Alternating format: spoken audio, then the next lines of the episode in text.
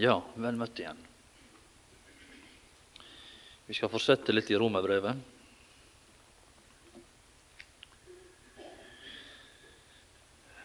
Det er en mektig skikkelse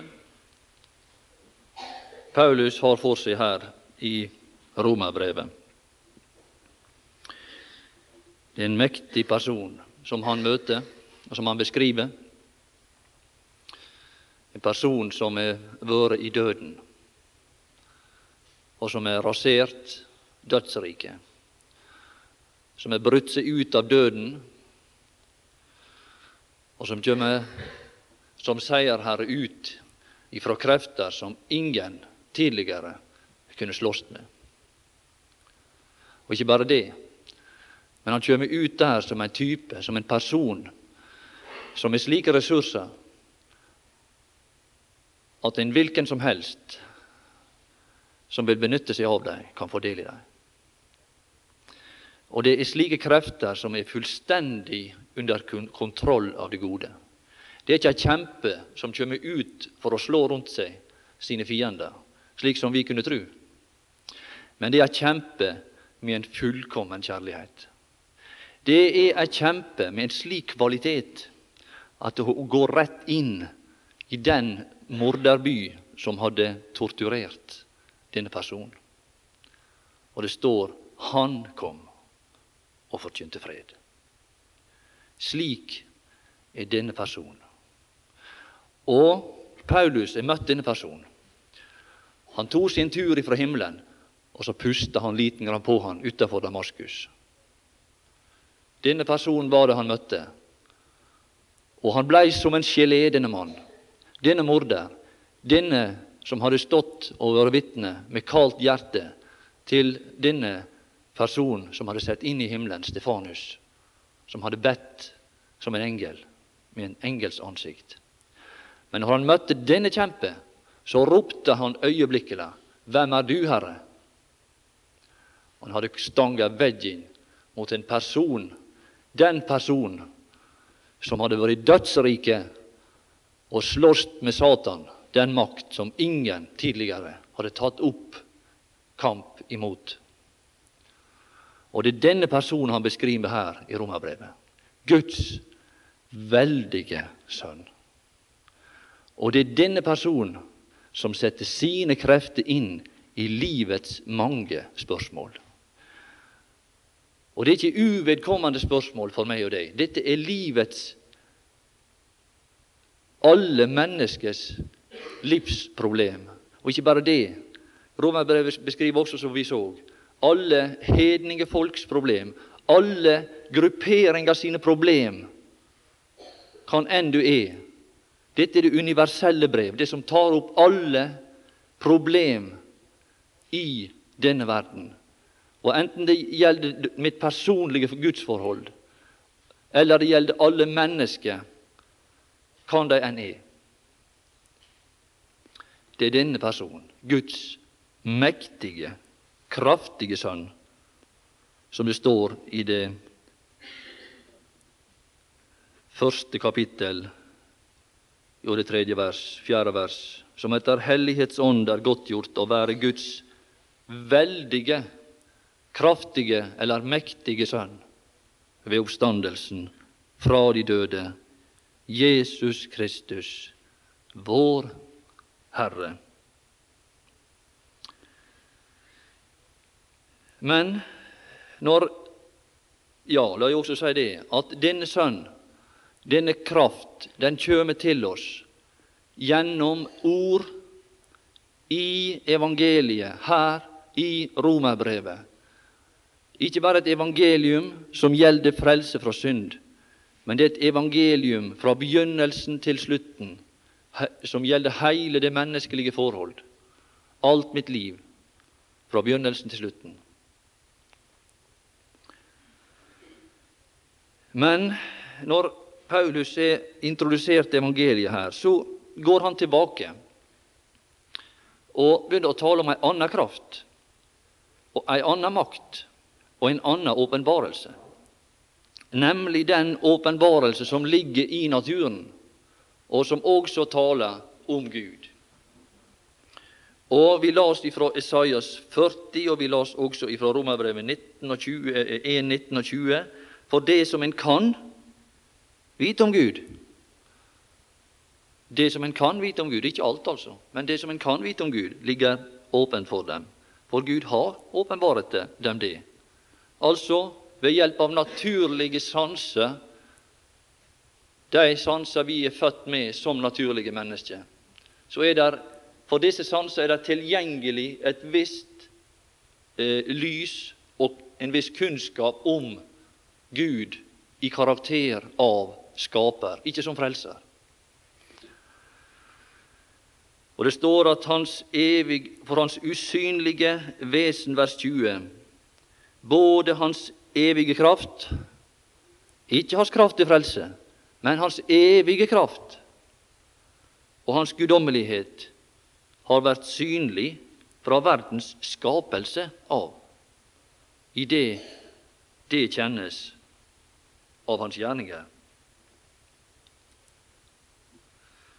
Og I Esaias 40 las vi, og vi kan ta litt lese, Vi ble ikke ferdig med det. Vi skal lese litt der. Esaias 40, og det var fire spørsmål, sa jeg. Esaias 40 og vers 1 og 20. Skjønner dere ikke? Hører dere ikke? Er det ikke fra begynnelsen, altså fra skapningens begynnelse, som vi la oss i Romerbrevet 1? Er det ikke fra begynnelsen kunngjort for dere? Har dere ikke forstått jordens grunnvoller? Kan ikke dere lese den informasjonen som dette skaperverk sender til dere? Hva taler det, hva taler det da om? Det taler ingenting annet om at, at den som skal lese Det taler ingenting om annet enn den som leser, hans tilstand. For informasjon er å lese, men det forteller bare at, det, at den som skal lese, er forderva i sitt sinn. Og jeg bytta Guds sannhet bort mot løgn og æret og dyrket skapningen fremfor Skaperen. Det har skjedd en negativ utvikling. Har dere ikke forstått jordens grunnvoller? Vers 22. Han er jo den som troner over den vide jord. Ja, han er å sjå i skaperverket. Det ligger der. Det ligger åpent for dem. Gud har åpenbart dem det. For en kan vite noe om Gud, står det. En kan vite noe. Det som en kan vite. Men det er noe annet, som vi også har nevnt tidligere, kanskje, at det som er for oss nå, det er det usynlige, hva øyet ikke så, hva øret ikke hørte, det som ikke oppkom i noe menneskes hjerte, og det som ikke er tilgjengelig for, den, for våre naturlige ytre sanser, de som vi har som naturlige mennesker. Men det er noe som plantes inn i oss, en ny natur, en ny sans, nye nye egenskaper, nye sanser som vi får i gjenfødelsen, som tar inn Guds usynlige verden ved Den hellige ånd. I vers 26 så står det i samme Esaias 40.: Løft i deres øyne mot det høye. Først ser vi nedover rundt omkring oss på jorda, og så vil vi bedt om å, å løfte vårt blikk og se utover ifra jorda til det som der er og se hvem har frelst? Nei, nei. Hvem har skapt? Skaperen. Det er Skaperen som er å se der. Hvem har skapt disse ting?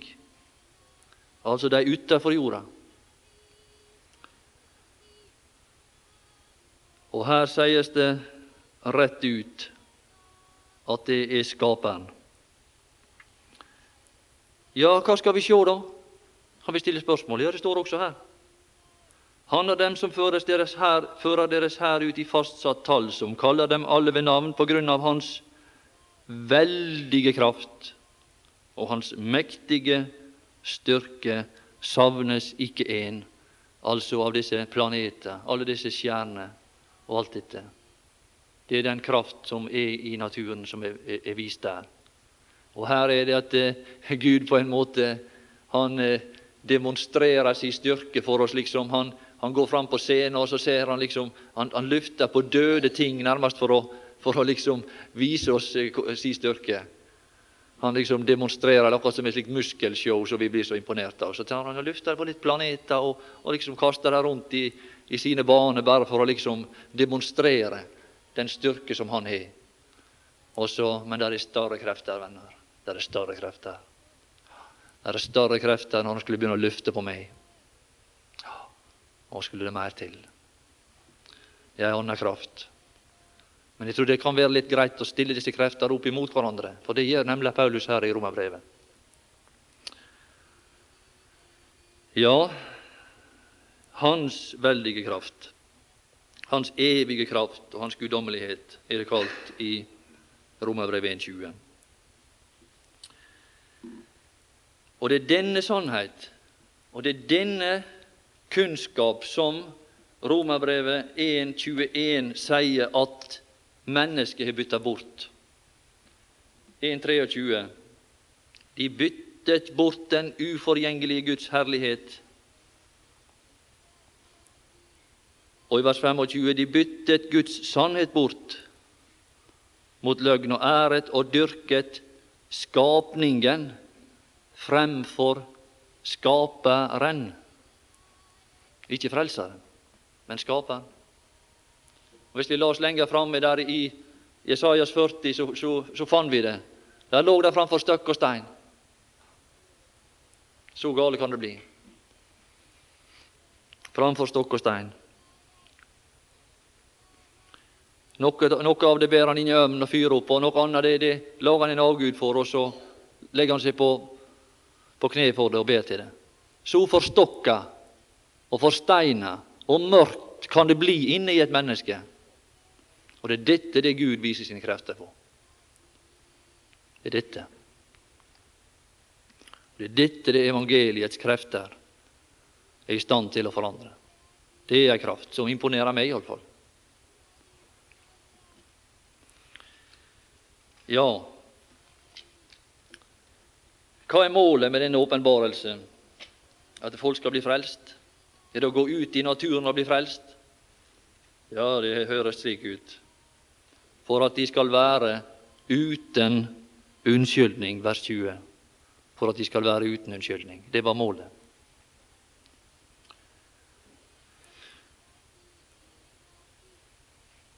Når mennesker på denne måten åpenbarer si maktesløshet.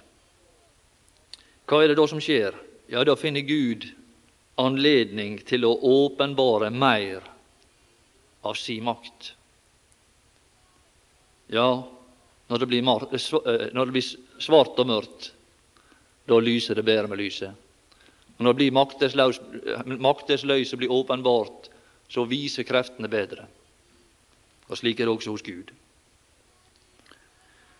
Og da er det at Gud her i Romerbrevet fører inn ei makt, ei kraft, til frelse. Ei ny og større kraft. Da er det også at han fører inn ei ny åpenbarelse gjennom evangeliet, det glade budskap. Og han fører inn et nytt prinsipp. Hva slags prinsipp er det? Ja, det er troens prinsipp. Totalt nytt prinsipp som han fører inn. Og vår norske bibel Ingen må tro at jeg leser gresk, for det er langt vekk fra min kunnskap. Men jeg kikker bare i, i, i Bibel, denne studiebibelen for å se hva slags ord som var benytta her. Og det viser seg at ordet åpenbare i vers 17 og åpenbare i vers 18 Det er eh, Nei, nå, tuller jeg. Vers 17 og vers 19, disse to forskjellige ord der, det er to vidt forskjellige ord. Det er en åpenbarelse som er gjennom evangeliet, De hadde brukt et ganske annet uttrykk enn den åpenbarelse som er i skaperverket. Her i det norske bibeloversettelse det er brukt samme uttrykk. Men Paulus han benytter et helt annet, helt annet ord når det gjelder vers 19. For det som en kan vite om Gud, ligger åpent for dem, for Gud har åpenbaret dem det. Det er ikke det samme ord på gresk som det som står i vers 17, for i det åpenbares Guds rettferdighet. Det er dette ei avledning av dette ordet apokalypsis, som er brukt om guddommelig åpenbarelse gjennom evangeliet. Mens dette andre uttrykket det er et annet uttrykk som blir brukt bl.a. der det står om at kjødets gjerninger er åpenbare. I forbindelse med slike lave ting det uttrykket er brukt. Men nok om det. Vi finner det at evangeliet her, det i Romerbrevet, er Guds evangelium, leser vi i vers 1. Utkåret til å forkynne Guds evangelium. Men lenger nede så finner vi det at i vers 9 at dette evangelium også er Hans Sønns evangelium. Hans Sønns evangelium. Og det viser seg også det at det er Han som er taleren. Det er Han som taler dette evangeliet.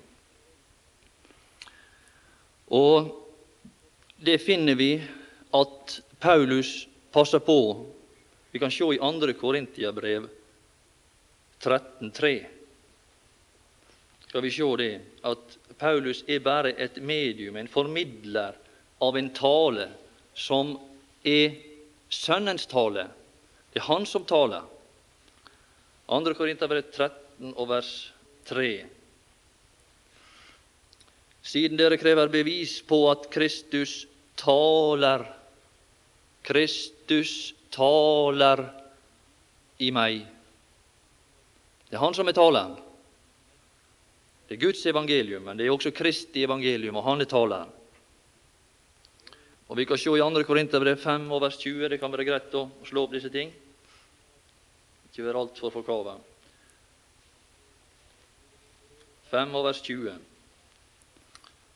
Så er vi da sendebud i Kristi sted, som om Gud selv formante ved oss. Vi ber, vi ber i Kristi sted. Altså, vi ber på samme måte som Kristus, som om det er Han som taler, altså. Det er Han som taler gjennom sine vitner. Men det er hans røst som må komme fram, fordi det er han som er taleren. Og i Hebreabrevet 12,26 står dette helt tydelig. 12,26 Se til 25, se til at dere ikke avviser ham som taler. Det er han som taler. Det er han som taler.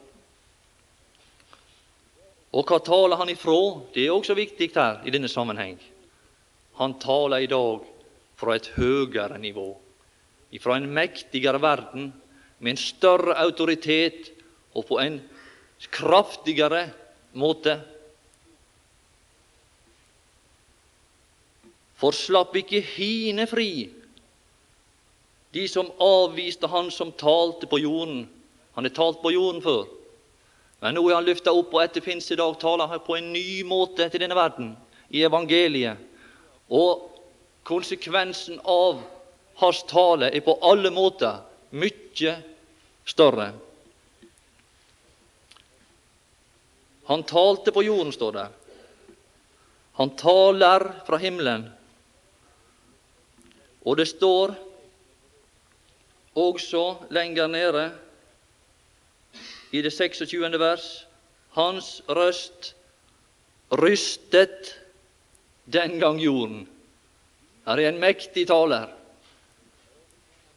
Han, eh, Hebreabrevets forfatter her, han, han ber tilhørerne være oppmerksom på det. Når han talte den gang, så rista jorda den gang han talte. Vær oppmerksom på det. Og vær derfor oppmerksom på det at når han taler ifra himmelen, så har hans røst enda kraftigere virkninger. Men nå har han lov til å sagt ennå en gang vil jeg ryste, altså med min røst. Ikke bare jorden, men også himmelen. Hva, der er et, en periode her mellom, mellom dette talte og mellom dette, dette framtidige vil jeg ryste både himmelen og jorden. Han talte med sin røst, og han skal riste jorda med sin røst en gang til. Men hva så innimellom disse to er det et avsnitt. Og hva er det da? Hva bruker du din røst til nå, Herre Jesus? Nå bruker han sin røst ifra himmelen til å frelse mennesket ved si røst. Og det er hans røst som lyder i dag inn i denne verden. Og det er kun hans røst, venner, som er i stand til å fravriste døden et bytte. Det er kun han som er i stand til å gjenføde et menneske. Det er kun hans røst og den, de virkninger som går ut ifra han, som er i stand til å få en døende og død person til live. Alle andre ting blir forveikt. Det må en røst som får ting til å skjelve til før at et menneske skal bli frelst. Det kan du være ganske sikker på. Det må en mektig røst til. Og det er denne si kraft og denne si, si røst han benytter seg av når han skal frelse gjennom evangeliet. La oss se litt på denne røst. I Salme 29 skal vi lese. Der står det i det fjerde vers, Salme 29. Her er Guds røst nevnt sju ganger, som taler om fullkommenhet. Herrens røst lyder med kraft, og Herrens røst med herlighet. Jeg er ikke i tvil om hvordan det skjedde med Abraham, venner. Det var denne røst han hørte. Det var denne røst som var av en slik kvalitet at når den når den kom til Abraham der i Ur i Kaldea, så var det denne røst som lydde med herlighet. Og det blei sagt seinere om Abraham herlighetens Gud åpenbarte seg for vår far Abraham da han var i Ur i Kaldea. Det var denne røst som bar med seg noe. Det var noe helt spesielt med denne røst. Det var ei herlighet med denne røst, og det var ei kraft i denne røst som var av en slik kvalitet. Det var det sier ingenting om Abraham i han sjøl. Det sier ingenting om hans kvaliteter, at han, at han sto opp. Ingenting. Men det sier noe om han som talte der. Det var ei røst som talte, som var av en slik kvalitet at han sto opp. Denne røst bar med seg noe inn i Abraham som gjorde at han sto opp. Og han blei en troende. Herrens røst lyder med kraft. Herrens røst med herlighet. Herrens røst bryter sedrer. Ser du? Ja, det er mange som måtte ha knekt, blitt knekt. Det er det som går forut for oppreisning. Ser du sedrer?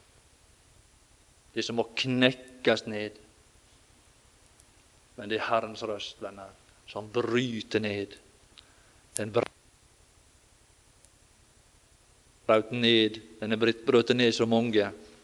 Det er Herrens røst. Og den kommer til oss i dag gjennom evangeliet. Herrens søndagbryters Libanons sedrer. Han får dem til å hoppe som en kalv. Libanons serion som en ung villokse. Herrens røst slynger ut kløvende ildslue. Herrens røst får ørkenen til å beve. Herren får Kades ørken til å beve. Herrens røst er det siste som står om denne røst. Når det er noe som er brutt ned, vet du hva det står?